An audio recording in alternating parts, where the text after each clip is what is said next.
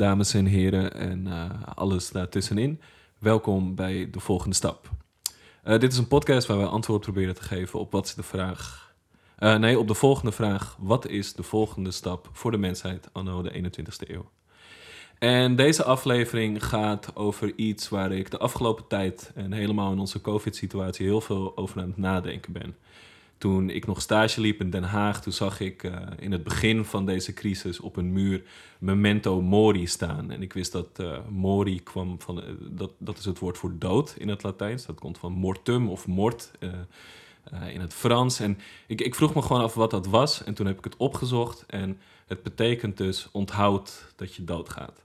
En vanaf dat moment begon ik er zoveel over na te denken. En heb ik heel veel over opgezocht. Ook dat Romeinse generaals, uh, als ze in de glorie van uh, hun overwinning weer terugkomen in Rome, dan uh, zaten ze in zo'n zo'n kar met, met paarden ervoor. maar achter de generaal, in, in het glorie van zijn overwinning, stond een slaaf. En die riep de hele tijd: Memento mori, memento mori, memento mori, memento mori. En ik. Um, ja, dat heeft gewoon een hele grote indruk achtergelaten. Toen een paar weken geleden heb ik een interview gedaan voor iemand, uh, voor iemand zijn scriptie. En dat ging over rouwen. Uh, Shout-out naar Isolde. Uh, dankjewel voor de inspiratie. En toen, ja, toen ben ik eigenlijk op mijn volgende gast gekomen. En dat is iemand die ik ken van mijn opleiding, vaktherapie, spraak en drama. En zij heeft zich de afgelopen jaren heel veel bezig gehouden met verlies en rouw. En ik wil haar heel graag een platform daarin geven. Esther van Breukelen, welkom bij de volgende stap. Ja, super lief. Dankjewel.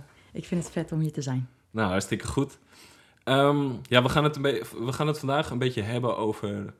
Tenminste, ik, ik wil het gewoon heel graag hebben over ja, rouwen, uh, de dood... en ook hoe dat in het licht staat van uh, onze COVID-situatie. Mijn ja. eerste vraag eigenlijk aan jou is, wat is rouw?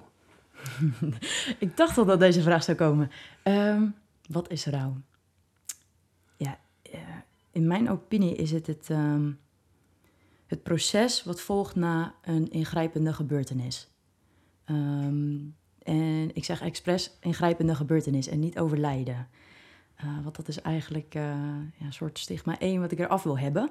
Omdat ik rouw echt breder zie dan dood alleen. Um, dus zo kan je bijvoorbeeld ook zeggen na een scheiding of een uh, verhuizing, als dat heel veel met je heeft gedaan, um, of een ontslag of het verliezen van je gezondheid. Um, echt kijkende naar die ingrijpende gebeurtenis en het proces daarin om dat weer in je leven te reïntegreren eigenlijk. Te kijken van, hé, hey, hoe ga ik nu door? Uh, en ik weet, er heerst altijd iets op, hè. Rouw, als mensen dat zeggen, dat is zwaar. Mensen vinden dat uh, heftig. Denken aan zwarte kleding, uh, duistere periode. Um, maar ik denk rouw is zo breed. En het is ook zo persoonlijk. Als je mij zou vrouwen, uh, vragen hoe zou je dan moeten rouwen? dat wordt ook regelmatig gevraagd namelijk. Van ja, maar hoe moet ik dat dan doen, Es? En dan denk ik, ja, dat, dat is geen kant-en-klaar antwoord. Dat heb ik ook niet. Rouw is zo breed. Iedereen ervaart dat anders. Iedereen doet dat anders. De een die gaat schilderen en uh, neemt een maand uh, vrij en zet zichzelf op een schilderkamp in Frankrijk. De ander gaat uh, zich storten in zijn werk. De ander slaapt alleen. de ander is heel veel met familie. Noem het op. Dus rouw, ja, ik zie het echt als iets heel, um, iets heel breeds, iets heel persoonlijks. Um, ook lastig om daar één ding van te vinden, vind ik altijd. Uh, en sommige mensen kunnen daar nog best wel streng zijn voor elkaar, in mijn opinie. Dat uh, mensen zeggen van, is die daar nou nog steeds niet overheen? Of, uh, jeetje man, er zwemmen toch genoeg vissen in de zee? Dus stop eens met treuren over die ene. Ja, best wel een stigma ja. omtrent het, het, fenomeen rouwen of, ja. of verlies hebben. Of, ja, wauw. Eh, Vele vormen en maten Yes. dus. Oké.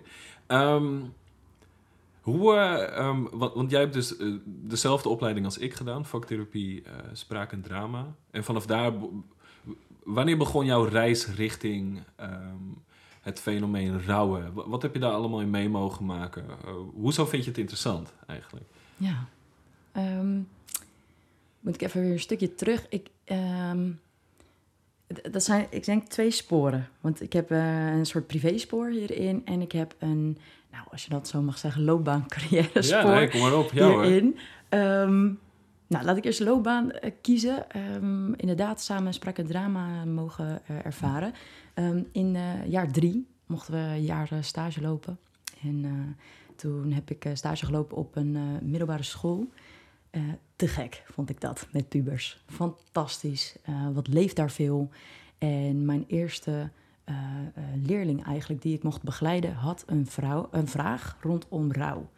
En ehm, ja, ik wilde dus zeggen haar moeder, maar dat was dus niet meer. Ehm, haar tante heeft uiteindelijk ervoor gezorgd dat zij bij mij kwam met de vraag: joh, haar moeder is een jaar geleden overleden aan eh ziekte kanker.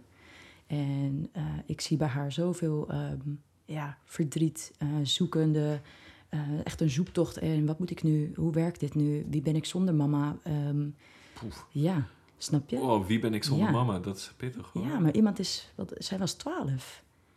Ik bedoel, jeetje, daar kan ik to- mij toch niks bij voorstellen. Nee. Dus, ehm, nou, ik, ik weet niet wat dat met me deed, maar ik ontmoette haar. Ik, ik vond haar, eh, ja, dat klinkt heel cliché, maar ik had gelijk gewoon echt een band met haar. Het was zo- zo'n fijne meid, zo'n leukert. En ehm, ik, ik weet dat we gewoon daarover hebben gespart van, eh, hoe zie je dat voor je? Wil jij hierin ook hulp? Hè, want soms kan iemand anders, een volwassene vaak in deze situatie, wel bepalen van, joh, jij moet hulp, maar hoe zag zij dat überhaupt? En ik had direct zoiets van: oké, ik wil jou echt bijstaan. Ik wil jou ook echt helpen met je vraag. Ehm, maar wat wist ik dan van rouw? Zo weinig.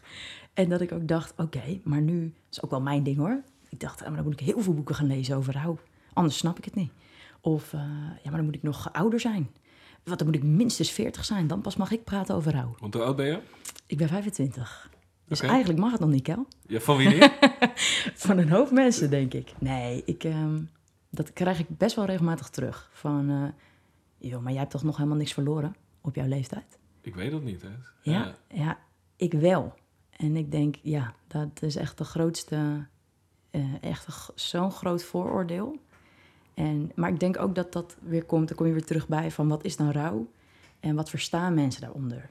En toch zijn, zijn er mensen met het idee van, ja, maar je rouwt pas als je ouder bent. Want dan pas gebeuren er dingen. Terwijl dat ik denk, jeetje, neem nou deze leerling op haar twaalfde haar moeder kwijt. En dan gaat iemand anders voor jou bepalen dat dat geen verlies is. Dat jij niet rouwt. Dat jij nog geen verliezen hebt gekend. Ik denk, wow, die komt binnen. Holy. Ja, Ja. Ik, ik- vanuit mijn eigen perspectief als, als therapeut denk ik gewoon, denk ik, nou, kan niet. Nee. Sorry, dit Nee, mag echt. Kan je niet zeggen. Eh, zo werkt het niet helemaal. Eh, maar het, het is ook wel... Ja, is het begrijpbaar? Ik probeer het te begrijpen. Wa- Waarom in, in jouw... Nou, wacht even. Ik wil eigenlijk gewoon eerst je verhaal Ja, eh, afhoren. Want Met ik ben benieuwd naar je... Ja, eh, ook voor de mensen die luisteren. Gewoon, wat is je ervaring? Wat voor training heb je gedaan? Dat soort dingen. Ja. ga ik vertellen. Ehm, nou, terug naar deze leerling. Ik merkte, ik voelde heel erg, joh, ik heb de kennis niet. Eh, ik heb school gesmeekt om meer lessen over rouw. Ehm, en het bleef altijd bij overlijden. Maar goed, in deze casus was dat ook het geval. Dus had ik al zoiets, oké, maar geef dat dan maar, want ik wil iets hebben. Ehm, ik, ik liep daarin echt tegen een muur. Want heel veel docenten zeiden dat ze dat niet wisten. Of dat ze zeiden, ja, dan moet je even kijken naar een schema van uh. Nou, ik weet niet of je dat kent, maar dat is Nee, nee Het- dat weet ik niet. het, eh, het gezicht van de rouwfase ehm, is, is al vrij eh, oud. Wordt nog steeds gebruikt hoor. Ik zeg niet het is gedateerd of zo. Maar het is, er zijn inmiddels alweer zoveel nieuwe inzichten, visies. ehm, waar je ook wat, wat discutabel is, zeg maar. Waar we het over kunnen hebben. Ehm, dus daar werd ik naartoe verwezen. En ja, heel eerlijk, Kel, ik las het. Ik dacht, ja, wat moet ik hiermee dan? Hoe, hoe- maar hoe kan ik haar bijstaan? Wat, wat moet ik vragen? Wat moet ik zeggen? Wat moet ik vooral niet zeggen? Ik, werd, ik raakte helemaal in paniek, joh. Ik denk, een kind Prachtig. van 12 Ja, wauw. oh, straks zeg ik iets verkeerd, eh, straks verpest ik haar nog meer. Of eh, in mij raakte het ook aan heel veel. En ehm, dat is wat gebeurde. Dus mijn fascinatie groeide omdat ik dacht, maar wow, eh, zoveel facetten ook dat ik dacht, jeetje, je bent twaalf, je bent je moeder kwijt. Voelde opeens ook nog meer liters dankbaarheid voor, wauw, ik heb gewoon nog ouders in mijn leven. Jeetje. Ehm, maar ook van eh, het facet, oké, hoe wat voor vragen stel ik hier? Wat mag niet, wat mag wel? Ik, ik- uiteindelijk resulteerde het in dat ik maar wat, wat zocht en eh, wat ging doen. En heel erg intuïtief heb gewerkt eh, met haar. Heel veel heb mogen leren. En ook heel veel heb gecheckt met haar samen. Ehm, meningen waren daarover verdeeld. Want ja, waarom vraag je dat een twaalfjarige? Maar goed, eh, ik vond dat zij vrij volwassen was. En trouwens, een twaalfjarige kan al best wel wat hoor. Ehm, dus zij kon ook heel goed wel aangeven hoe ze dingen zag. En ik kon haar ook prima vragen: wil je het vandaag over mama hebben? Ja. Zullen we daar eens naar Ja, kijken? ja, of is vandaag niet de dag? En Maar hoezo niet een 12? Ik bedoel, alles binnen de context van pedagogiek natuurlijk. Weet je, gewoon hoe, wanneer zit je op. En ik denk dat het ook gewoon met heel therapie zo is. Wanneer zit je op de, op de grens van, van iemand zijn persoon zou kunnen. Maar het Ja. is wel een beetje juist op die scherpste dat. eh, ja, er gaat alleen wat gebeuren als je daar. Als je daar bent. Het is heel moedig hoor, om als persoon een soort van daar naartoe te willen gaan. Ja, kudos. Nou, en Ja, ik denk dat dat dus ook het meest... ik- denk dat dat met misschien ook privé... als je vraagt van waarom ben jij hierin eh, zo gefascineerd geraakt... ehm, het, is zo eh, ongrijpbaar en je, je, ehm, je kan iemand begeleiden tot waar je zelf bent. En ik had zoiets... Dit is het bewijs dat ik hierin ook nog mag groeien. Want ik kon haar nog helemaal niet... eh, de vragen stellen die ik nu, vijf jaar later, wel alweer zou kunnen vragen. En over vijf jaar kan ik misschien weer andere vragen stellen, et cetera. mhm. En ehm, het is zo spannend om het met iemand echt te hebben over, joh, wat voel je echt? Waar raakt het je echt? Waar zit echt die pijn? Ehm, waar, waar voel je het het meest? Waar denk je, jeetje, ik kan er gewoon niet meer over praten. Zullen we ophouden? Waar is die spanning, dat triggerveld? Nou, dat ben je aan het doen als je mensen begeleidt in rouw. Het is niet leuk per se. Het is ook niet niet leuk. Het lijkt me heel intens. Het is intens. ja, dat is het gewoon heel on- oncomfortabel, dat ten eerste. Want volgens mij is je verdriet naar buiten gooien, huilen, eh, dingen toelaten, gevoelens mogen voelen. Wauw, ja. Maar dat is het, hè? Vind ik mooi wat je zegt, want oncomfortabel. Ja, En ik denk dat dit het ding is. Mensen zijn oncomfortabel ermee. Mensen denken, eh, wat moet ik nu vragen dan? Ja. Iemand begint te huilen en zegt, joh, ik weet het gewoon niet meer. Ik mis haar zo. ja. En of dat nou overlijden is of een scheiding of wat dan ook. Een vriendschap. Iedereen krimpt in één. Iedereen denkt, eh, ja, ja, super rot man. Eh, zullen we even wat gaan eten? En, en dat is het. Ik Weet je denk wat jij dat- zou moeten doen? Wat dan? Ah, nee, dat is, dit, dit is, dit is even, ja, ik wil niet, ik, ik ga nu stereotyperen of generaliseren, maar dit is een beetje mannen onder elkaar. Eh, als, als een man aan het rouwen is of verdriet aan het hebben is. en ja, ik weet gewoon niet meer wat ik moet doen, man. Ik mis haar zo erg. Dan eh, zegt de andere man, zegt, weet je wat jij zou moeten doen? Lekker tinderen. Jij zou, ja, download gewoon, weet je wat jij zou moeten doen? Weet je wat jij zou moeten doen? Ja. Dat, Ja. En ook dat, hè? Dat, Dat is ook pittig. een ding waar je echt uit mag blijven, vind ik. Van, weet je wat jij zou moeten doen? Joh, je weet helemaal niks. Waarom zou ik dat weten voor jou? Geen idee. Ik bedoel, jij voelt het. En hetgeen wat ik daadwerkelijk voor je zou kunnen doen, is dat samen met jou uitpluizen. Op een manier die voor jou ook eh, acceptabel is. Zeg maar dat ik niet te snel ga. Of dat ik niet zeg wat je te doen hebt. Of Ja. hoe het wel niet allemaal zou moeten voelen. Joh, dat weet ik niet. Het is van jou. Jij voelt wat je voelt. En om het daarover te hebben. Misschien voel jij wel opluchting en voelt een ander nog drie jaar schuldgevoel. Ja, geen idee. Dingen roepen iets op en daar, daar heb je niet altijd de controle over, zeg maar. Dus ehm, dat, dat vind ik ook mooi. En dat is privé, als we het daarover hebben, ook zo. Dat ik, eh, ik, heb, ik heb best wat dingen ge- meegemaakt in de zin van hè, overlijden van mensen. eh, maar ook eh, ehm, eh, twee scheidingen. Mijn moeder is twee keer gescheiden. Ehm, ik, het is niet zo dat ik daar nu nog mee zit qua... oh jeetje, ik kan er nog niet over praten. Ehm, en toch tegelijkertijd voel ik ook nog steeds dingen daarbij van... wow, dat was best wel heftig. Of weet je, vandaag de dag heeft dat ook nog steeds een uitwerking in dingen. Het, het- mijn ouders zijn gescheiden op mijn elfde.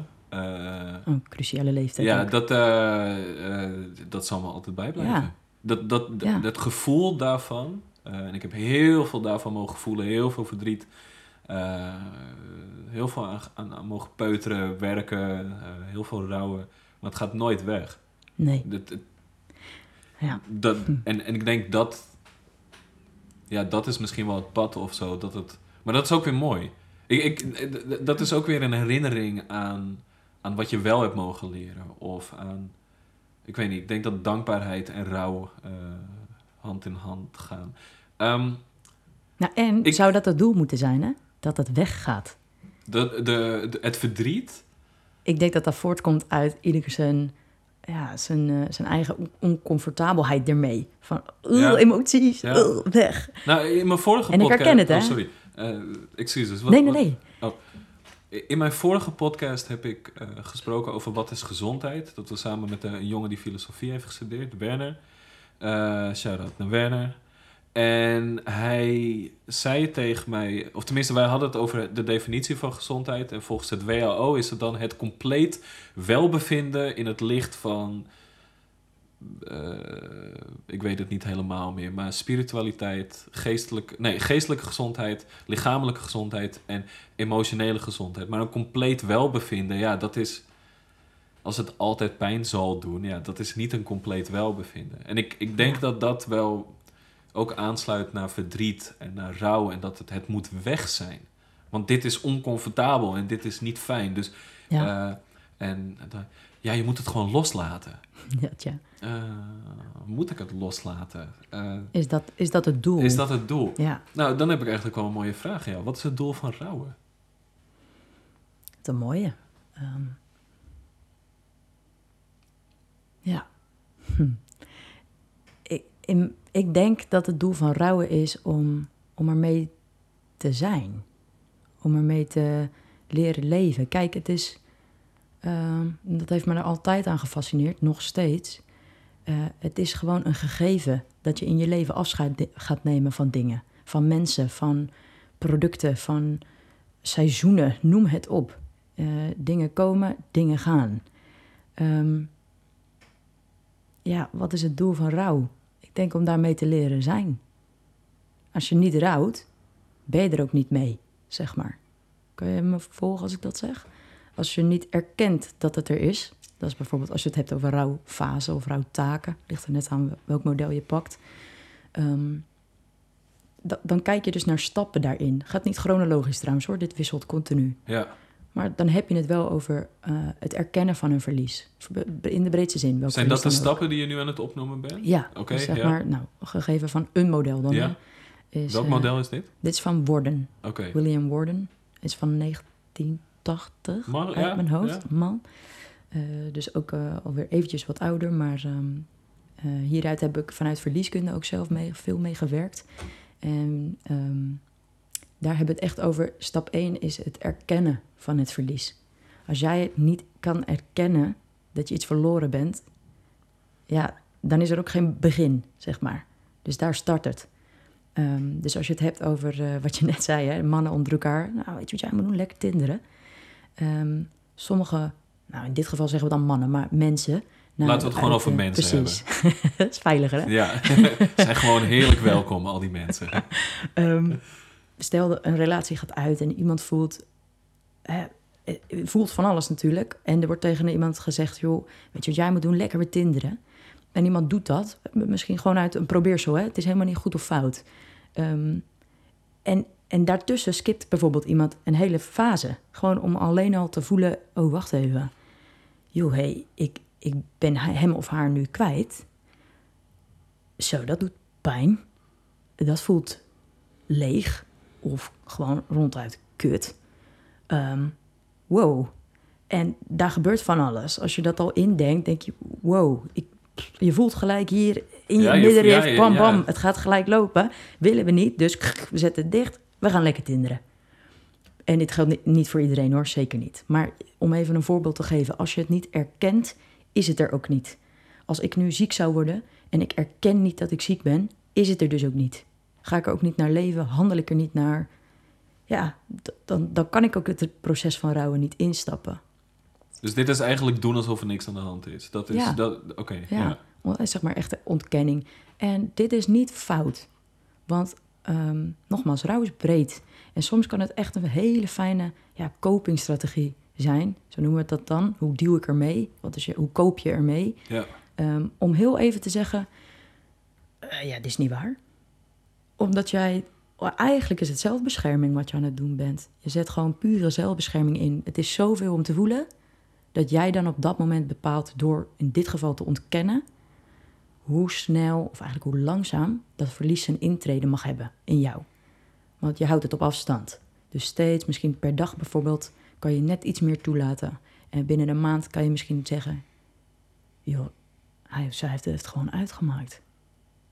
Wow, Het is echt over. ja. Eh, En dat is, dat is een, als die stap er niet is, er zijn meerdere fasen. Tuurlijk kan dit, het is niet chronologisch, het wisselt continu. Het is altijd in beweging. Maar wel één ding, als het niet erkend wordt, kan je er ook niks mee. Dat is in alles. Als je je verliefdheid niet erkent, is hij er ook niet, toch? nee, nee. Dan houdt het gewoon op. Ja, ja, Als je je honger niet erkent, houd het op. Ehm, dus zo, eh, zo kan je hem zien. Dus het gaat over erkennen van het verlies. Ehm, volgens Borden is het dan fase 2, zeg maar. eh, of rouw taak 2. eh, is het het uiten van je gevoelens. Dus dan gaat het natuurlijk alles komt opspelen. Zodra jij iets erkend hebt, dan ga je voelen, oh, wat gebeurt er? En dan krijg je associaties. Soms opluchting, soms verdriet, soms woede, teleurstelling, schaamte, schuld. En de grap is, dit kan allemaal tegelijk. Ja, Get ready for the ride, Ja. ladies and gentlemen. Ja, shit, Please man. enjoy.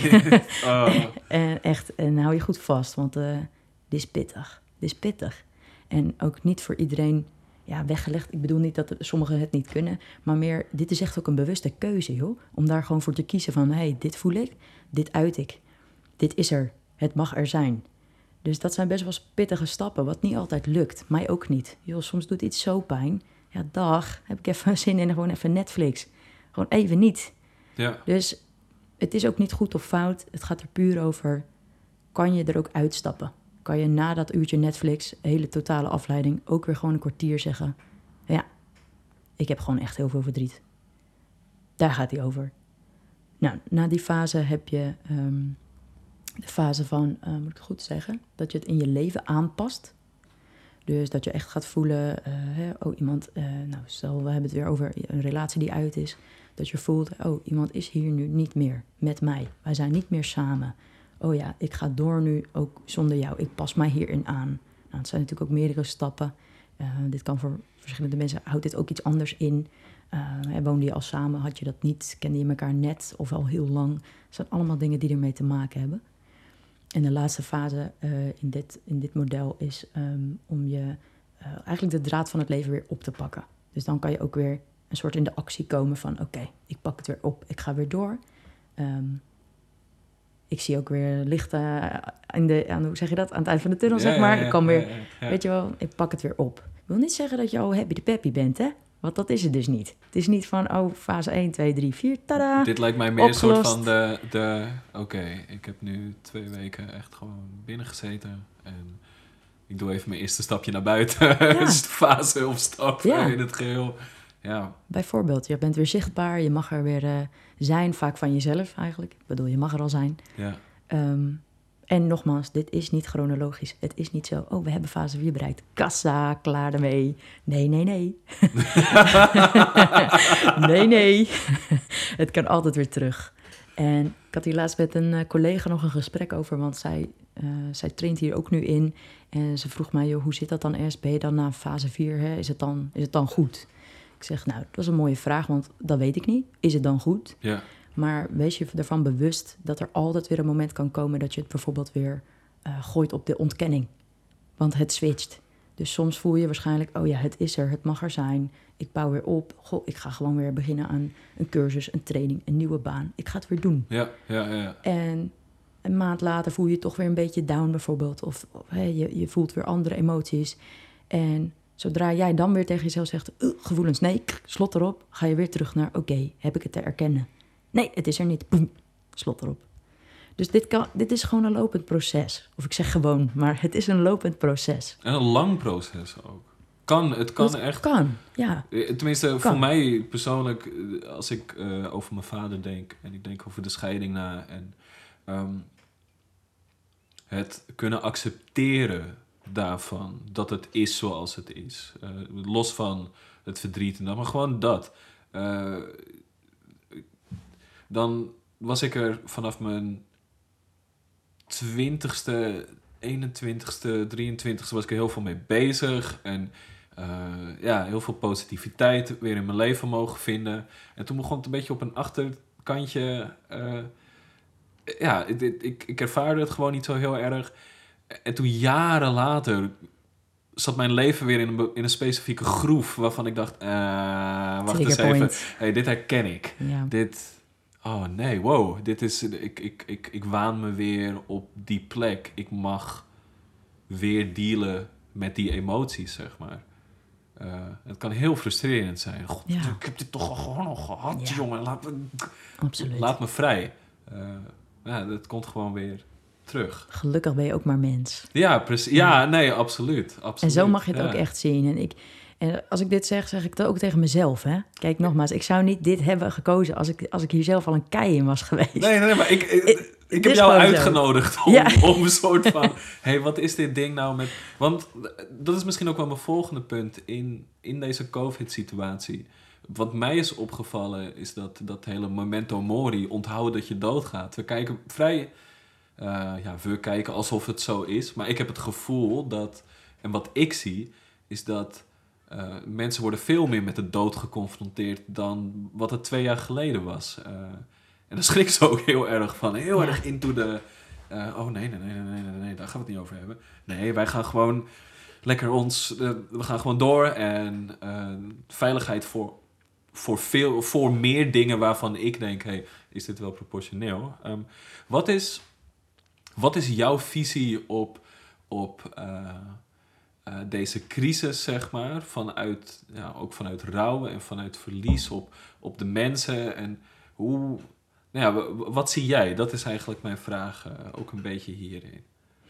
Ja, ehm, nou veel, moet ik zeggen. Want er, is, er, is, er speelt zoveel. Ja, er is, Daar de speelt wereld is wel chaotisch op het Ja. moment. Ongelooflijk. En zeker... Wat een gekke ehm, plek. Ja, ja. Ook en een hele mooie wel. plek hoor. Zeker, want er gebeurt ook heel veel moois. En gelukkig hoor ik ook echt nog veel mensen zeggen... ja, maar door deze tijd ben ik wel gaan... hm, hm, hm." Ja, ja, Dus, ja. veel introspectie. Ja, Ja. vind ik ook echt wel getuigen van veerkracht... als mensen hier zo in kunnen staan. Ehm, en verder, ja, als je... Ja, hoe, hoe ik er naar kijk, ik zie het echt als collectieve rouw. We zijn collectief aan het rouwen. Ehm, de grap is alleen dat heel veel mensen dat niet bewust doen. Dus ehm, Wauw, collectief aan het rouwen. collectief aan het rouwen. ja, ik heb het niet bedacht hoor. Het staat in hey, meerdere hey. artikels. Ik artikelen. leer dingen, dankjewel. Ja, nee, echt. Ehm, en dat is wel wat ik terugzie. Eh, ja, nogmaals, ik kijk naar verlies in de breedste zin. En dat kan je hier nog meer terugzien. Dus mensen zijn collectief aan het rouwen over... hé, hey, maar eerst ging ik altijd eh, daar en daar en vier keer per week. Ja, dat mag helemaal niet meer. Eh, ik had eh, eerst normaal gewoon naar kantoor iedere dag. Mag ook niet meer. Ehm, nou, trouwens, noem het op. Noem iets op en het is rouw. Ik kan hier nog de honderd voorbeelden noemen. Want iedereen heeft er op zijn of haar manier mee te maken. Ehm, en dan kom je wel bij het volgende. Het heeft pas impact als je eraan gehecht bent. En, het en je verliest het dan. Kijk, als er geen hechting was, dan is er ook geen rouw. Want dat is gewoon, dat is zeg maar twee kanten van dezelfde medaille. Wat, wat, wat bedoel jij met hechting? Kan je daar, wat is het? Kan je daar een voorbeeld van geven? Ehm, nou, als jij ehm, gehecht bent aan, eh, eh, even heel simpel kleinhoudend hoor. Eh, ik sprak laatst een collega ehm, van de gemeente waar ik ook werk in Utrecht. En ik had dan een gesprek met haar over het thuiswerken. En dat ik zei, jeetje, ik voel me zo opgesloten en zo somber. Ik kan gewoon mijn ei niet kwijt. Ik was normaal zes, zeven dagen, ja echt geen grap, weg. Gewoon lekker met dingen aan het doen. Ik zeg niet dat dat altijd goed was. ja, je bent maar best wel, eh, best wel een beuker. Best wel going, ja. hoor. Ja, ik, ik, ik ga er ook van aan. Ik krijg er echt Ja, energie van. Ja. Echt. En ik zei tegen haar, joh, ik, ik mis het zo. Ik zie helemaal niemand op een dag. Ik moet echt mijn moeite doen. Ehm, het is niet per se dat ik me eenzaam voel, want ik voel me goed in mijn huisje. Maar goed, tegelijkertijd, dit is er wel. Dit is er ook. Eh, en zij vertelde me dus, ja, heel eerlijk, uh, Es, ik heb het helemaal niet. Ik vind het, ik vind het heerlijk. En, ze zei, en ik zei, meen je dit nou? en zij zei, ja, want uh, ja, ik werk dan niet zo heel veel op kantoor. En ja, voor mij is de reistijd lekker afgevallen. En uh, ik kan lekker mijn eigen theetjes drinken. En de koffieautomaat was ook nooit te, te, te, het was nooit te zuipen, die koffie. En ik dacht, wat, wat geweldig. Want ja. daarin blijkt maar weer, zij was er niet aan gehecht. In ieder geval niet zo erg als dat ik wel bleek te zijn. En daarin zit hij. Dus de impact is voor mij groter, omdat mijn hechting daarmee ook in, intenser was. Ik was echt gehecht aan het idee, joh, eruit gaan, met vrienden afspreken, lekker uitgaan, een festival opzoeken, een vakantie boeken, überhaupt reizen, uh, noem het op. Zijn niet in deze dan, in het thuiswerken. En... Denk, je, denk je dat daar het stigma ook vandaan komt omtrent rouw? Omdat wat ik nu hoor hierin is dat uh, in verlies of in gehechtheid, zeg maar, de, het, het, spectrum daarvan is zo gigantisch breed en zo verschillend ja. per persoon. Dat als we het over verlies hebben, dat we een soort van niet die brug hebben of zo om te kijken naar die andere persoon. Hé, hey, jij bent hieraan gehecht, maar ik niet. Dus ik weet eigenlijk helemaal niet hoe het voelt dat jij Ja. hier. Ja, oké. Ja. En daar, daar zit hij wel in. Net als dat ehm, eh, sommige kids bijvoorbeeld, stel eh, eh, de ouders gaan uit elkaar en eh, de kids ehm, eh, eh, moeten dan verhuizen, bijvoorbeeld met, de, met moeder of vader mee naar een ander huis. Het ene kind zal er misschien op reageren van... yes, nieuwe buurt. En daar woont Ricky ook, dus leuk. ik zeg maar wat. En het andere kind denkt, oh, nee. paniek. Ja, Want dit gaat het niet worden, Hè, maar ik wil daar blijven en dit was altijd leuk daar. En, en daar zit hij in. Het, het gaat over de hechting. Hoezeer ben je gehecht aan een plek, aan een persoon, een, een product, een, een fase in je leven. Sommige mensen vinden het verschrikkelijk om student af te zijn. Die hebben daar echt een rouwproces over. Ja, daar hebben we het net over gehad. Ik wou net. Sommige mensen hebben dat. Nou, ik- Die zijn gehecht ja, aan, zeker, aan de ja. dingen wat ze voelen of associëren bij, in dit geval, de studententijd. Sommige mensen niet. Die denken, mooi, dat ook weer gehad. Ja. Dag, vinkje erbij, ik ga door. Ja. En dat is prima. Beide is echt zo oké. Ehm, en dat bepaalt hoeveel, ja, jij, hoe lang je bijvoorbeeld nodig hebt... of eh, hoeveel je rouwt... of dat je überhaupt bewust bent van het feit dat je rouwt. Weet je wel, misschien ben je een beetje verdrietig... misschien ben je eh, gewoon hartverscheurend eh, aan het huilen... misschien helemaal niks. denk je, oh, nou prima. Het, en dat is het verschil. En ik denk ook dat dat terugkomt op je vraag van wat is mijn visie in deze COVID-tijd. In mijn opinie heeft dat er wel heel veel mee te maken. In, hoeveel, in, in welke mate zeg maar, waren mensen gehecht aan hun oude leven? En eh, hoe, in hoeverre mis je het nu? En welke aspecten ervan mis je dan? En ik spreek bijvoorbeeld ook heel veel vrienden die zeggen... nou, ik heb me gewoon gerealiseerd dat ik gewoon veel meer eh, tijd voor mezelf nodig heb. Of eh, ik ga gewoon mijn agenda eens eruit gooien. Ik ben er helemaal klaar mee. Ik, ik ga niet meer plannen. Ja. Weet je wel, dat soort geluiden hoor Mhm. ik ook. En ik vind dat knap hoor. Ik vind het echt knap van mensen, die veerkracht. Mensen die hun baan opzeggen, gewoon voor zichzelf gaan beginnen. Een andere baan scoren, verhuisd zijn in covid-tijd. Eh, een relatie hebben gekregen in covid-tijd. Men, ga er maar aan staan, weet je. We Ja. doen het allemaal wel. Ja, ja. Ik denk, oh, de mens is ook zo sterk. Echt, de mens is zo sterk. Dat, dat, want je zegt nu sterk, en dat was eigenlijk een van mijn volgende vragen. Ehm, er is een. eh, God, nu ben ik dat gedicht vergeten. Ehm, ik had het ooit op Facebook gezet. Eh, kijken of ik hem weet hoor. Fun times create weak men. Weak men create hard times. Hard times create strong men. Strong men create fun times. Oh, En ik heb een beetje het gevoel dat we, dat we nu in het tijdperk zitten van sterke mensen creëren weer leuke tijden.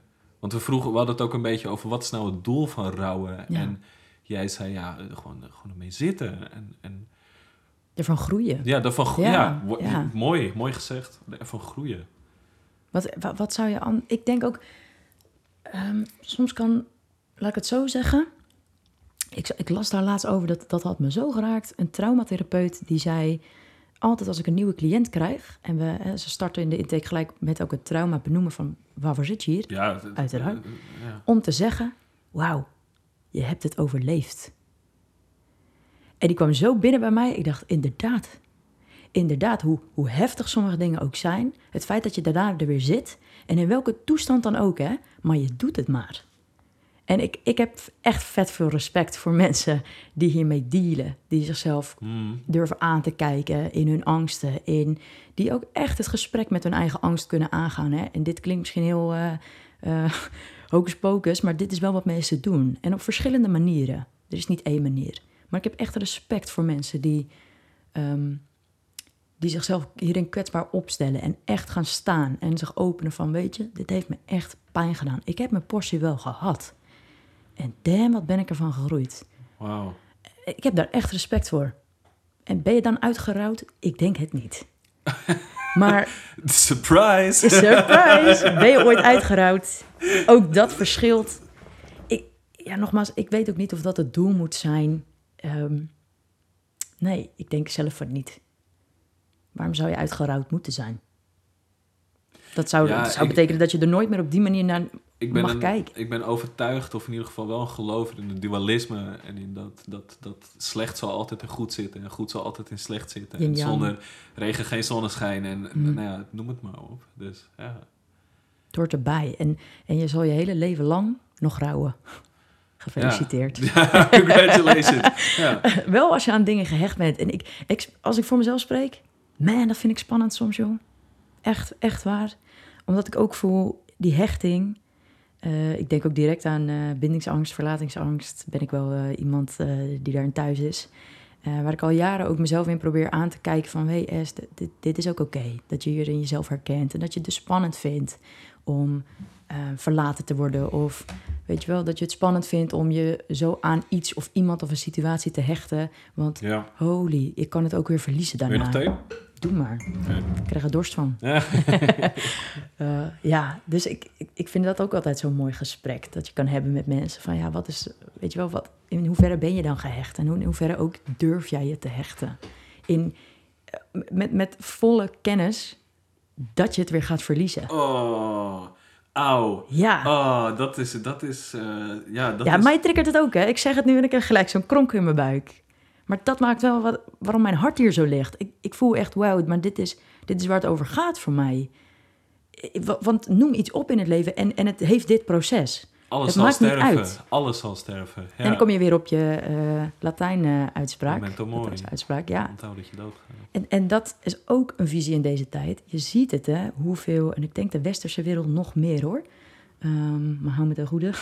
Eh, wij, wij hebben daar ook iets mee. Man, wat zijn we bang om dood te gaan. Ook in gesprekken, hè, mensen hebben het er niet graag over. Nee. Ehm, als iemand weet dat hij terminaal is bijvoorbeeld. Hoeveel mensen wel niet zeggen, ik weet gewoon niet wat ik moet zeggen. Waar moeten we het over hebben dan? Ja, ik ga er gewoon niet heen, dag. En dat is ook niet, dat keur ik ook niet af. Want jeetje, het is ook spannend. Ja, wat moet je bespreken dan met iemand? Wat ga je zeggen dan? Hé, hey, vervelend man. Ja, bedoel, kom op.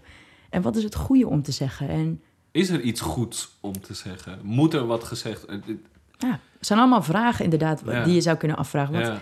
daar is geen goed of eenduidig antwoord op. Van ja, wat is goed om te zeggen? Dit misschien juist benoemen. Joh, ik weet gewoon echt Ik- niet wat ik moet zeggen. Hey. Ik wil heel graag het beter maken, maar man, ik, ik word ook geconfronteerd met mijn eigen machteloosheid. Ik kan gewoon niks. Ik kan je een kop thee aanbieden en die krijg je. Ja. En ik kan je liefde geven en damn, die krijg je. En- verder hebben we te verduren. Ken jij het fenomeen spaceholding? Nee, Wat dat is? Nee. Ik denk dat je het al jaren aan het doen bent hoor. Maar Oh. eh, ik ken het niet. spaceholding is een, een term eh, die ik persoonlijk ken uit ecstatic dance. Mm, Eh, En ecstatic dance is blote voeten dansen, twee uur lang niet praten. waar het doel is, doel, om in extase te komen. Ja. is echt bewegen, toch? Niet dat het mooi hoeft te zijn. Of Oh nee, gewoon bewegen, hè? like, like, Ja. doe wat je like wil. crazy, ja. Sommige Ja. mensen die zijn shit aan het doen en ik denk, you go girl. Lekker bezig, dit ziet er prachtig uit. Ehm, bij ecstatic dance zijn space holders. En dat zijn vier of vijf mensen die door de ruimte heen bewegen. En die voelen een beetje of de ruimte voor iedereen nog veilig voelt om zichzelf te zijn. Want Oh. zonder te spreken, te dansen op blote voeten, eh, best wel confronterend voor Best de meeste mensen. Ja, de- je Ja. bent heel kwetsbaar op dat moment. En hoe ik het ook verder heb geleerd is dat bij momenten van, van rouw en van verdriet en van dat mensen steun nodig hebben of eh, ja, no- nodig hebben, dat is een beetje een invulling. Ja, spaceholder. Maak een comfortabele ruimte. Geef aan die persoon, hey, als je iets wil vertellen, prima. Als je iets niet wil vertellen, ook prima. Maar ik ben hier. En dat is eigenlijk eh, onvoorwaardelijk Ja, gewoon de afspraak precies. maken voor een persoon. Dat je er bent als die persoon het moeilijk heeft. En ik heb gemerkt dat, want andere mensen hebben dat ook voor mij gedaan. In hele pittige processen bij mij. Oh, dat was, ja, dat, dat was voor mij wel echt heel bijzonder. Maar ik, ik heb zo'n vermoeden. En, eh, dat, want hoe doe jij dat dan als therapeut? Ben jij aan het spaceholden? Hoe ziet, kan je een sessie voor mij een beetje beschrijven? Hoe ziet dat, er, eh, hoe ziet dat eruit voor jou? Ehm, hoe ik iemand support in Ja, het rouwproces, ja. zou je kunnen Ja, zeggen. ja. Ehm, ja, ik... ik eh, ja, dit is ook niet per se een eenduidig antwoord misschien, maar ehm, laten we kijken hoe ver we komen. Ja, let's go. Eh, ja, stap 1 voor mij is het erkennen. En dit klinkt zo makkelijk. En het, Maar voor dat- jou herkennen of voor de cliënt? Voor de ander. Oké. Dat, dat ik de ander eigenlijk support in het erkenningsproces. Ehm, en dit, nogmaals, dit klinkt misschien heel makkelijk, maar veel mensen hebben hier nog de extreme stap in te maken. Om het echt te erkennen van, hé, hey, ja, dat deed eigenlijk ook heel veel pijn. Of hé, hey, dat heeft inderdaad heel veel betekend. Of wow, dat heeft echt zoveel impact op me gemaakt. Ik heb het nooit gezien als, als zodanig verlies. En daar zit die vaak in. Ehm, dat mensen het nog niet erkennen of de omgeving erkent het nog niet als een verlies of de maatschappij zelf erkent het nog niet als verlies, want daar zijn we ook nog niet, hè? Dat iets als een ontslag echt erkend wordt als een verlies. Ehm, Ja, hoort er een beetje bij. Ja, toch? ja, precies. Er zijn eh, meer dingen. vissen in de zee. Dat soort dingen. Ehm, Joh, komt goed, Ja, je bent nog jong. Ik ken mensen, en ik zal ze niet bij naam noemen, maar die hebben 25 of 30 jaar lang bij hetzelfde bedrijf gewerkt. Die hebben 30 jaar lang dezelfde mensen gekend. Eh, die hebben 30 jaar lang eh, dezelfde personen ontmoet, eh, die misschien niet bij hun bedrijf werken, maar op pad of wat dan ook, of noem het maar op. 30 jaar lang is een hele lange tijd. Ja, En dan word je ontslagen. en dan, en dan. En precies. harteloos ook vaak, Ja. want je bent niet gemeen genoeg, je bent niet hard genoeg. eh, het lukt je niet om de quota's te vullen, het lukt je Mhm. niet om op tijd te zijn met dingen. Dat is pittig hoor. Ja. En de leegte ook, hè? Ja. Dat komt gelijk bij me op als je dit zegt. De leegte. Wat iemand dan na zoveel jaar Wat ga je doen? voelt van... oh, maar wat, wat kan ik dan eigenlijk? Wie ben ik dan eigenlijk? En als je me vraagt van wat doe jij in een sessie... dan is dit wel waar het het meest op neerkomt. Weer herontdekken. Hé, hey, wie, wie ben je dan nu? Met dit verlies geïntegreerd in jouw leven. Wie ben je nu? En wie wil je zijn ook? Mooi. Wie wil je Ehm, zijn? Mooie weet je, vraag. Ja, En, en wat wil je betekenen? En ook in sessies, en het verschilt hoor, Kel, want je kan zoveel doen. En uiteindelijk gaat het er ook niet om van wat voor werkwijze wil ik gebruiken, maar wat voor werkwijze dient de mens? Dient, dient dit verlies of deze casusvraag of wat dan ook? Maar wat is je, wat is je Ehm, attitude dan als het gaat om een nieuwe casus?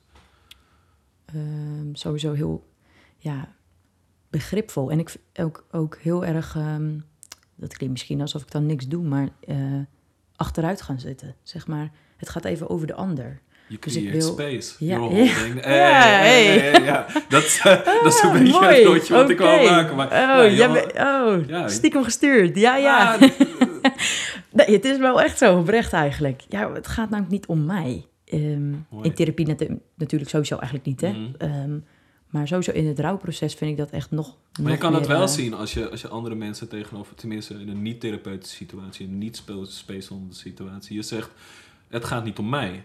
Maar ik denk dat heel veel mensen toch in een situatie terechtkomen dat als iemand anders zijn emoties uit, dat ze een soort van in hun, ah, maar hoe, ah, dat het wel om hun even draait op dat moment, waardoor ze niet, het is heel... Dat het mij raakt, bedoel je? Nou, dat, dat, dat met space holden, met ruimte geven aan mensen. En dat. Het, het- in mijn optiek heb je heel veel hartekracht, heel veel moed nodig om jezelf drie stapjes opzij te zetten in zo'n Ja. in, in, in zo'n situatie. Ik, ik denk dat, nou ja, goed, dat mag ik ook wel verwachten van een, van een therapeut. Dat je hebt geleerd om met eh, zeg maar, jouw ding staat niet centraal. Wil niet zeggen dat het er niet mag zijn. Want ik... ehm, Mooi, ja. Dat vind ik echt iets anders. Ben ik het mee want, eens, ja hoor. Kijk, ik ben ook mens. Dus daar wil ik echt vanaf. Therapeut is niet alleen, oh, een heilige, we hebben dingen geleerd en wij hebben nooit meer ergens last van. Oh, alsjeblieft. oh, alsjeblieft, mensen. Ehm, We zijn allemaal mensen. we zijn allemaal mens. En dat mag je echt onthouden. Maar ik vind wel belangrijk. Kijk, het moet geen sessie worden waarbij iemand iets zegt en ik zeg: Nou, dat herken ik. Ik had dat gisteren nog bij eh, de supermarkt. En toen liep ik daar. Weet je, weggesprek. Daar gaat het niet over. Ik, de cliënt komt bij mij om aan de cliënt te werken, om aan zichzelf te werken. En ik ben degene die daar in de support kan bieden. Of kan, wil Mhm. bieden. Ja, en gaat ja. kijken of ik dat eh, kan en mag. En hoe dat voelt. Ehm, en ook hoe we dat doen. Dus dat is per persoon ook weer verschillend. Want ja, ik denk gelijk aan mijn materialen met schema's over leefgebieden bijvoorbeeld. Hè? Dat we kijken naar welk leefgebied is nou geraakt. Ehm, en bijvoorbeeld wat voor cijfers zou je in een leefgebied nu geven? En wat, waar ben je dan dankbaar voor of trots op? Of wat mag meer aandacht krijgen? Ehm, we hebben ook, dat heet het woud van emoties. Letterlijk een soort memory spel. Allemaal kaartjes met emoties. Afgeleid eh, vanuit de vier basisemoties. Gaat het steeds door. Mooi. dat Ja, kan je door die, de ruimte vier basisemoties zijn prachtig. Je kan er zoveel Ja, mee man. doen. Denk natuurlijk ook aan dramatherapie, Boos, spraaktherapie. blij, bedroefd en bang. Ja. Zijn. Ja. ja. Ja, en vanuit daar, al die kaartjes gaan daar weer op door. Dus op een gegeven moment heb je ook verbitterd, geïrriteerd, eh, eh, somber. Eh, nou, er zit echt van alles tussen. Zelfs woorden dat ik dacht, ja, dit voel ik. dat ik gewoon daar, en, en daarin kan het ook helpen om mensen ehm, de mogelijkheid te bieden, de ruimte te bieden van... zullen we er eens naar kijken samen? Zullen we gewoon eens samen kijken, wat ligt er dan onder voor jou? Wat betekent het voor jou? Hoe heb jij dit ervaren? Los van wat ik ervan vind, wat het bij mij oproept. Ehm, maar dus wel dat het er bij mij ook mag zijn. Want luister, ieder verlies raakt mij ook.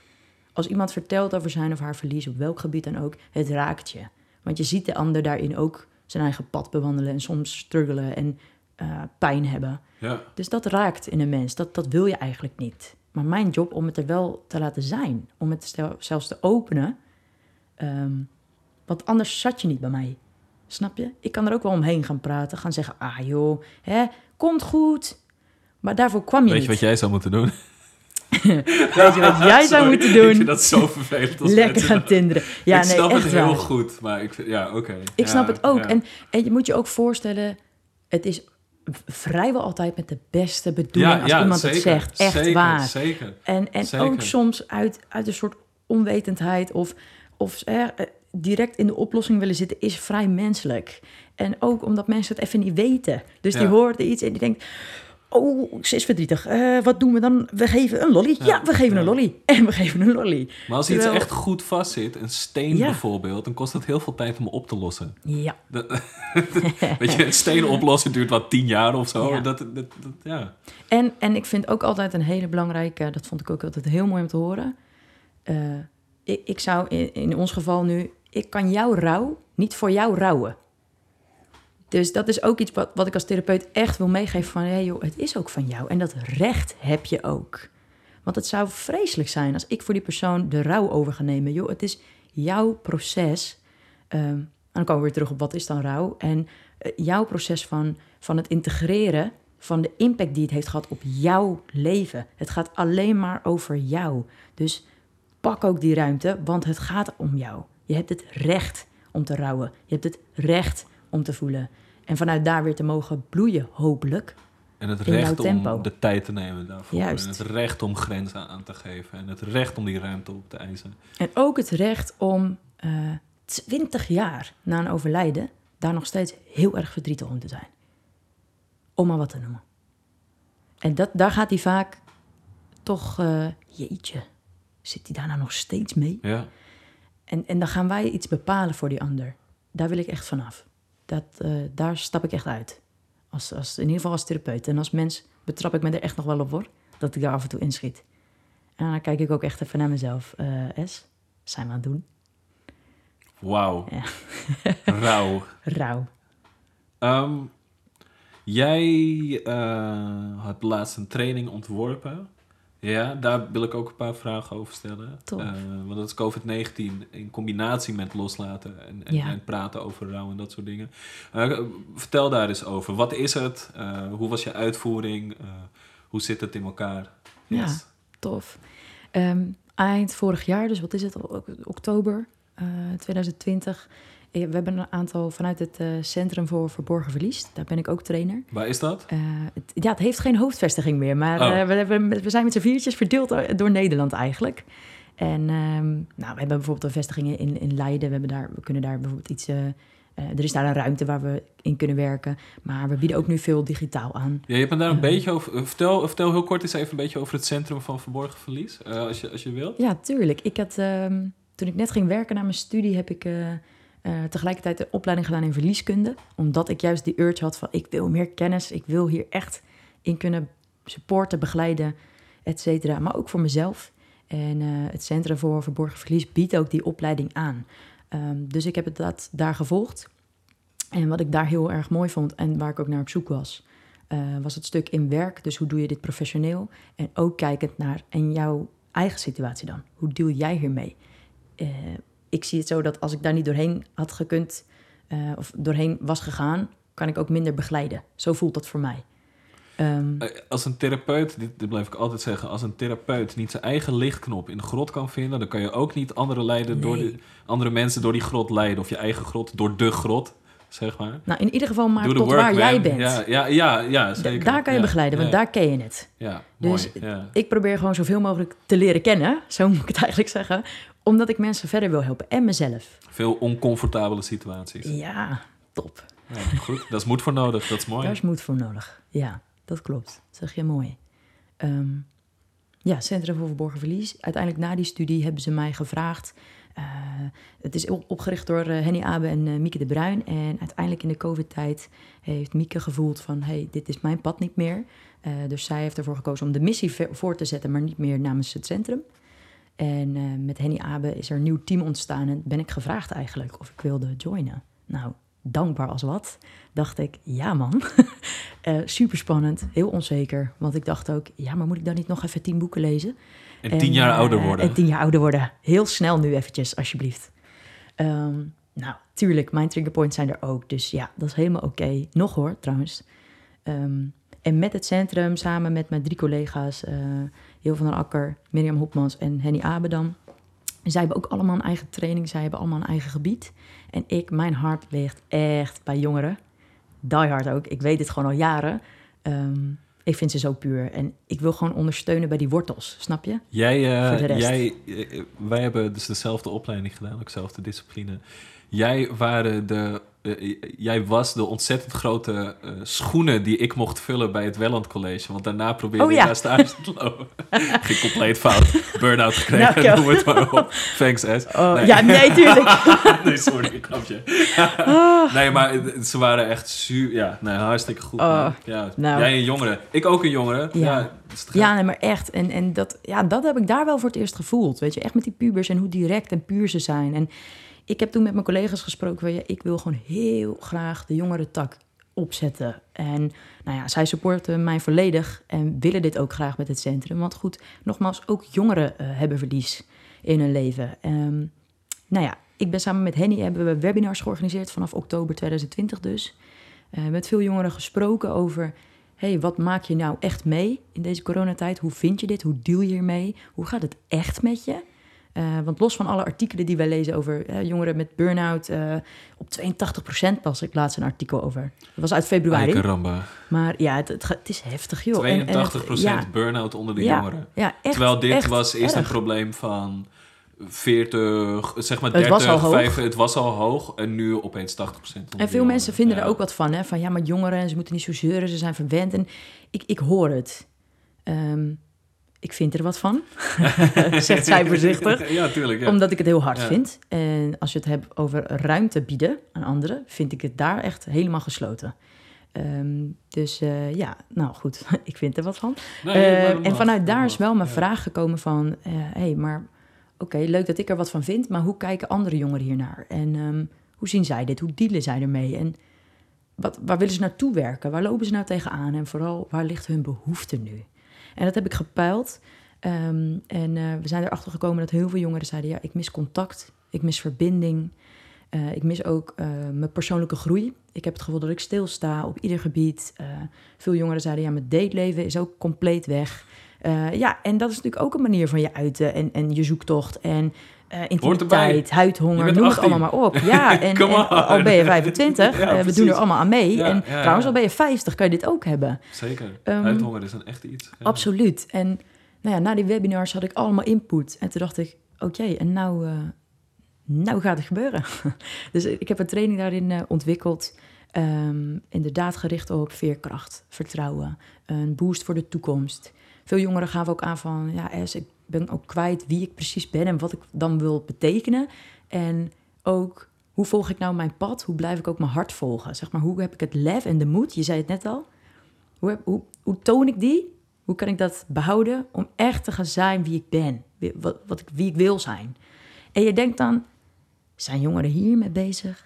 Ja, jongeren zijn hiermee bezig. Dit is, dit Al is, deze dit- vragen. Man, als je 12 bent, dit, Ja. is, dit is het. Sommigen wel, sommigen niet. nou, ook 13 prima. Ja, maar het begint heel jong. De vraag, wie ben ik, is de Wat centrale hoort bij vraag. mij? Wat hoort bij mij? En inderdaad, weet je, misschien als je 12 bent, stel je hem anders. Hè? Wat vind ik leuk? Ja. Is het dan misschien? Maar goed, dat is ook oké, want Maar dat is de groepjesvorming eerste... op middelbare Ja. scholen. En, en dat is Ja, nu waar hoor je minder bij? of meer. Maar waar hoor ik bij? Wat wil ik zijn? Ja, Eh, jongen, meisje, nou, meisje, eh, jongen, bla bla bla. Het is allemaal zo onveilig en heftig. Soms Heel, wel, hele ja. dynamische wereld voor jonge mensen. En nu lees ik 82% burn-out. ja, echt heel heftig. En het raakt me mega. En niet alleen omdat ik 25 ben. Het is gewoon dat ik denk, joh, maar deze generatie heeft het wel weer op te bouwen. En ehm, nou, het baart me zorgen als deze generatie straks een soort allemaal collapst. En denkt, wow, ik weet het niet meer. Hoe, hoe moet ik, weet je wel, hier in, deze storm blijven dansen op de manier zoals ik wilde dansen? Mm, En ja. nou ja, ik, ik wil daar heel, heel graag mijn steentje aan bijdragen en ook in gesprek gaan. Dus ehm, de training heet ook Open Up, omdat ik, we willen echt aandacht geven aan... laat er eens een platform zijn waar jongeren kunnen komen met elkaar... gelijkgestemden kunnen vinden, kunnen sparren met elkaar... kunnen zijn met elkaar, mogen openen, zijn wie ze werkelijk zijn. Ook mogen vertellen van ja, het raakt me hier of het raakt me daar... of joh, ik zit er helemaal niet mee. Dat is ook oké. Ehm, dus dat, dat is echt de intentie van de training. Samen kijken naar waar raakt het je? Hoe deal je hier op dit moment mee? Ehm, kan je daar ook in afwisselen? Of, of ben je geneigd om een soort in de, in de alcohol, drugs, eh, eh, nou ja, noem iets op, gamen, seks, eh, eten. Veel afleiding zoveel. hoor. Ja, Veel zo. afleiding. Ja. En het is ook niet Maar niet goede gek. afleiding. Niet, niet, niet. Nou, weet ik niet. Ja, weet nou, ik ook niet. Ja, Als, het, als het er lang blijft, ja, dan is het ja, vaak niet goed. En, en, eh, maar als jij je even stort op gamen... of eh, je vreet in één keer een eh, hoe heet dat, M&M-zak leeg... voor een keer, ach ja, joh. Nogmaals, we zijn allemaal maar mensen. Maar ja, als ik dat een jaar lang doe... dan heb ik even andere zorgen, snap je? Ja, ja, ja, En, en daar gaat het over. Ben je bewust van wat je inzet, wat je doet... en hoe het jou helpt of niet? En wanneer het je helpt of niet? Wauw. Ehm, en ook kijkende naar, ik heb een eigen visualisatie geschreven. Ik heb dat altijd al te gek gevonden. En die zit ook in die training. En die is gericht op ook eh, de toekomst. Van, joh, hoe zie je jezelf in de toekomst? En ehm, waar wil je heen? Wat is je eerste stap richting die kant? En, en toen zat je bij de podcast, Go de volgende stap. Go Esther. Ja man, dit vind ik te gek. Dit Ja, vind ik zo ik mooi. ben, ik ben zo, zo dankbaar. En ik hoop, ehm, ik meen dat oprecht als ik dat zeg. Ik hoop zoveel jongeren te mogen bereiken. Echt zoveel. Niet voor mezelf, voor hun. Gewoon dat we samen, dat, ze, dat er iets is, weet je, een platform waar ze terecht kunnen. Dat ze voelen, hé, hey, ik word gezien, ik word gehoord eh, in alles wat ik voel en ben en vind en niet vind en niet voel en et cetera. Dat wil ik. Go Esther. Go Esther. Nee, hey, ik, eh, ik, ik, prachtig. En eh, ik wil je daar heel graag bij helpen. Ehm, ik denk dat we nu een beetje naar de, de rubriek eh, aan het gaan zijn. En dat is ja, mijn vraag die ik aan iedereen stel. Esther, wat vind jij de volgende stap voor de mensheid anno de 21ste eeuw? Wat, Hm. wat is belangrijk? Ehm, ja, dan, eh, dan komt weer mij op eh, waar ik nu sinds kort mijn eigen bedrijf in ben gestart. Liefde voor jou. Eh, zelfliefde. Kiezen vanuit liefde in plaats vanuit angst. Dingen doen vanuit liefde voor elkaar, voor jezelf, voor de natuur. En liefde is breed, net als rouw. Liefde is breed. Het kan ook zijn, het is niet alleen ook heb je lief, partners of vriendschap. Het gaat ook over het moment dat je s'avonds eh langs een fiets loopt waar eh, het achterlampje nog brandt. Dat je denkt, ik zet hem even uit. Dat is voor mij ook liefde. Het gaat over, het is zo breed. Het is de intentie waar je, mee, waar je de dingen mee doet. En het ding zelf kan heel klein zijn, echt minuscuul of super groot. Voor mij is de intentie. En ik, ik zou het echt nou ja, ja, fantastisch vinden al- als we als mensen meer vanuit die liefde kunnen kiezen voor wat we doen, wie we zijn en voor elkaar. Als collectief, als, als Ja. mensheid. Als, Ja. ja. Dat we niet meer vanuit angst eh, dingen doen voor, voor een ander, hè? jaloezie. En ik wil niet zeggen nogmaals dat het er niet is, hè? Want als ik zeg dat we vanuit liefde leven, wil niet zeggen dat je nooit meer verdriet hebt of jaloezie voelt. Daar gaat het niet over. Het is een bewuste keuze om echt vanuit liefde te leven, om, om te voelen, oh ja, ik ben jaloers blijkbaar. Oh, dat is oké. Dat is het. Daar doe ik op. Dat je die zelfliefde kan voelen, dat je mag voelen, hé, hey, het raakt mij echt diep. Oh, ik ben boos. Ja, oh my. Ik ben teleurgesteld. Oh, inderdaad. Dus, dus hoe ik het eh, nu hoor, is dat je meer je bewust wordt van de emoties die in je leven. En dat als die ruimte vragen, dat je daar ook ruimte voor dat het er mag zijn. dat het er mag ja, zijn. ja en, en voor mij nog breder zelfs dan dat. Want het gaat ook over, eh, nou ja, net als de training, open up. Dat je mag staan, weet je wel. Dat jij jezelf mag zijn. Dat je ook eh, kwetsbaar mag zijn. En dat we ook af mogen van het, het, het, ja, het stigma, zeg maar, van ook kwetsbaarheid is onveilig of het is zwak. Eh, ik vind het zo sterk als mensen echt kwetsbaar zijn. Gewoon echt zeggen, joh, ik weet het gewoon echt allemaal niet. Punt. En dan denk ik, oh, maar dit is, dit is echt. Dit is wie je echt bent. Wat er in jou omgaat. En wat er met jou in ook nog al die miljarden mensen ook omgaat. En waarom hebben we daar niet over? Waarom, waarom hebben zo weinig mensen, eh, nou, ik wil zeggen de moed. Hè? Misschien, ja, misschien is dat ook, dat gaat ook niet vanzelf, de moed hebben. Maar wat maakt dat we dat niet doen met elkaar? Wat maakt dat we niet kunnen zeggen, joh, wat je nu doet raakt me echt. Nee, we, we nemen het mee, we worden verbitterd, we zijn boos, we zijn jaloers, we gaan het ergens anders eh, weer uitverspreiden, roddelen. Eh, dat is wat ik bedoel. Kan je vanuit liefde zijn? Kan je ook, ook voor jezelf, hè? Want als jij je kwetsbaar opstelt, dat is ook zelfliefde hoor. Dat, dat zie ik echt zo. Als jij durft te zeggen tegen een ander: Wow, je raakt me echt intens nu. Weet je hoe, hoe, hoe zielsveel je voor jezelf zorgt op zo'n moment? Wat een liefde het is voor jezelf, dat je je eigen grens daar neerzet, voor jezelf opkomt. Eh, voelt dat je dat dus ook waard bent om dat te zeggen, dat dat, dat, dat mag. Dat jij dat recht hebt. Het gaat dieper dan dat. Dus ik vind het ook altijd moeilijk uit te leggen hoor. Ehm dat is eh, misschien een beetje ongrijpbaar. Maar ja, dat, li- liefde voor jezelf, meer zelfliefde, liefde voor elkaar. hey, ik ben down voor meer liefde voor elkaar en meer zelfliefde. En ja, ja, sowieso in ieder geval omtrent rouw en omtrent verlies. Eh, vind ik dat je hele mooie tips hebt kunnen geven daarin. En, eh, ja man, hey, ehm, volgens mij zijn we bijna wel, ja, we zitten al op een uur. Vind het mooi. Tof. Jij hebt eh, je eigen bedrijfje wat aan het beginnen is. Je hebt een training die je op, op hebt gezet. Waar kunnen Klopt. mensen je vinden? Ja, spread the love. Ja, tof. Ik heb sinds kort mijn eigen Insta. Liefde, lage streepje voor jou. Dus eh, het gaat helemaal over eh, zelfliefde, veerkracht, vertrouwen. Ook mijn eigen proces trouwens. Ik wil nogmaals echt af van het stigma, therapeut mankeert niks meer. Nee, ik ben gewoon open. Ik ben ook onzeker. Ik weet het af en toe ook echt niet. Ehm, dus dat staat er allemaal op. En ook eh, daar kun je weer een link vinden naar de, de training ook. Die, is, nou, die staat nu online. De eerste volgende keer is 29 mei dat die training is. En daarna gaan er nog veel plaatsvinden, denk ik. Maar dat is de eerstvolgende. En die Ja. training is voor? Voor jongeren. Oké. Ja, en ik, ben, ik heb ongeveer de leeftijd eh, 18 tot eh 25. Maar goed, eh, ik, ik, ik zet er nooit leeftijd bij. Want stel je bent 26, 27 en je voelt dat dit eh, echt je ding is. Alsjeblieft, stuur gewoon een bericht.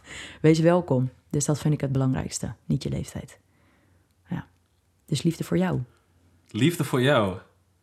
En eh, ja, liefde voor iedereen eh, die hiernaar luistert. Esther, super, dankjewel. Ja, eh, jij. Vond het een hele fijne podcast. Ik ook. En eh, ja, eh, dames en heren en alles daartussenin, tot de volgende stap. Dag, dag.